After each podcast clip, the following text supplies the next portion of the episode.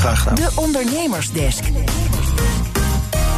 De zaken gaan goed, je bedrijf groeit, maar daarmee krijg je als ondernemer ook een heel andere rol. Welke vaardigheden je als scale-up leider nodig hebt, dat hoor je in de Ondernemersdesk Groei van Lotte Elbrink. Fijn dat je er bent. Uh, verandert die rol inderdaad zo, zo drastisch als je van start-up een scale-up wordt?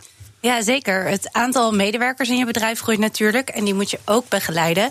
Waarschijnlijk moet je je ook gaan verdiepen in allerlei deeltaken, zoals HR of ICT. En je hebt misschien geld nodig om verder te kunnen groeien.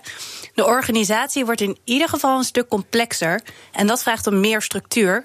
Kees de Jong is groeiondernemer en mede-initiatiefnemer van NL Groeit. En hij ziet ondernemers worstelen met die overgangsfase.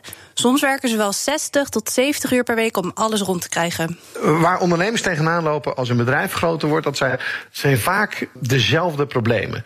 In het begin werkt een uh, ondernemer vaak in zijn bedrijf, met klanten, uh, met product. En dat is, ook, dat is ook belangrijk. Maar uiteindelijk gaat zijn organisatie groeien. En dan zie je dat je als ondernemer heel veel deeltaken gaat krijgen. Dan ga je naar een organisatiefase en dan moet je de organisatie uh, vormgeven. Dan moet je veel meer gaan, uh, gaan managen. En dat is vaak een, een, een, eerste verandering van een ondernemer. Noem nog eens een paar grote verschillen. Ja, als start-up ondernemer ben je vooral creatief bezig. Met een klein team werk je aan je bedrijf en probeer je mensen eigenlijk zelf van jouw product of dienst te overtuigen. Scale-up ondernemers moeten zich meer bezighouden met processen en systemen en meer aan het bedrijf werken dan erin. En dat is even wennen die ondernemer die, die worstelt omdat hij natuurlijk graag nog met die klanten bezig is, met zijn product bezig is. En uiteindelijk moet hij, moet hij aan zijn bedrijf gaan werken. Dat wil zeggen dat hij inderdaad zich moet focussen op het aannemen van de beste mensen die hij kan vinden. Dat hij zich moet focussen op het creëren van systemen en processen om zijn bedrijf schaalbaarder te maken. Ik hoor het wel vaker. Hè? Je moet aan je bedrijf werken in plaats van alleen maar erin. Maar hoe doe je dat dan, zeker als je zo snel groeit? Ja, de eerste stap is ruimte creëren voor jezelf. En dat kun je doen door hele goede managers aan te nemen, bijvoorbeeld op het gebied van marketing of finance. En heb je dan uiteindelijk de beste mensen gevonden, dan komt het allermoeilijkste.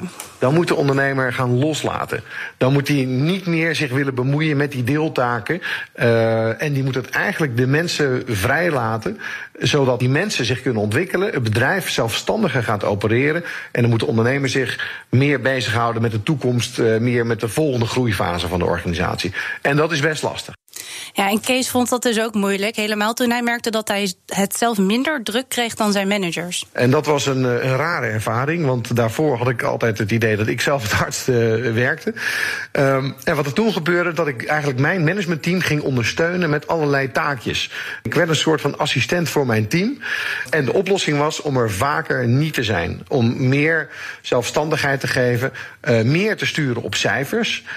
vergaderingen systematischer te houden en gewoon meer van kantoor te zijn om te werken aan de dingen die op dat moment belangrijk waren voor het bedrijf. Ja, vond hij moeilijk? dat wordt misschien een stukje makkelijker als je een andere mindset hebt. Die is wel nodig. Ja, dat klopt. En daarom is het heel belangrijk dat je niet alleen aan je bedrijf, aan je bedrijf werkt, maar ook aan jezelf. En als je als ondernemer jezelf nou ontwikkelt, dat je beter weet hoe je hoe je, je bedrijf moet vormgeven, hoe je je bedrijf moet leiden, wat, uh, wat de strategie zou moeten zijn, hoe je je bedrijf uh, laat groeien, hoe je het internationaliseert, dan heeft het hele bedrijf daar iets aan.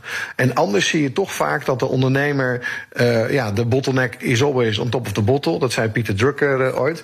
Dat de ondernemer eigenlijk het, het knelpunt wordt van het bedrijf. Je kan dus ook inderdaad tot een, een heel vervelende ontdekking eh, komen. Namelijk dat je helemaal geen, geen scale-up ondernemer bent. Wat dan? Nou ja, veel ondernemers die denken dat ze zich bezig moeten houden met het managen van de dagelijkse processen. Maar dat uh, hoeft dus niet per se. Uh, want dat kun je goed uitbesteden. De ondernemer is uiteindelijk wel altijd de leider. En dat is vaak een rol die wel bij de ondernemer past. Hoewel je misschien niet heel goed bent in het systeem denken en in, het, en in de dagelijkse operatie leiden, blijft een ondernemer natuurlijk wel degene die de mensen moet, moet meetrekken en motiveren. Dus dat zijn eigenlijk twee verschillende taken die je ook zou kunnen scheiden. Dus als een manager jou niet ligt, ja, dan moet je daar gewoon een, een hele goede operationele manager of een COO of een operationeel directeur voor aannemen. Ja, en je kunt er bijvoorbeeld ook nog baat bij hebben om advies te vragen aan een andere ondernemer die bijvoorbeeld al groter is dan jijzelf, die meteen ziet in welke fase je zit en welke struggles daarbij horen. Dankjewel, Lotte. En ook Kees de Jong, groeiondernemer, mede-initiatiefnemer van NL Groeit. Wil je meer horen uit de Ondernemersdesk? Dan vind je alle afleveringen terug als podcast via onze site of de BNR-app. Ondernemersdesk over groei wordt mede mogelijk gemaakt door NIBC. NIBC, de bank voor ondernemende mensen.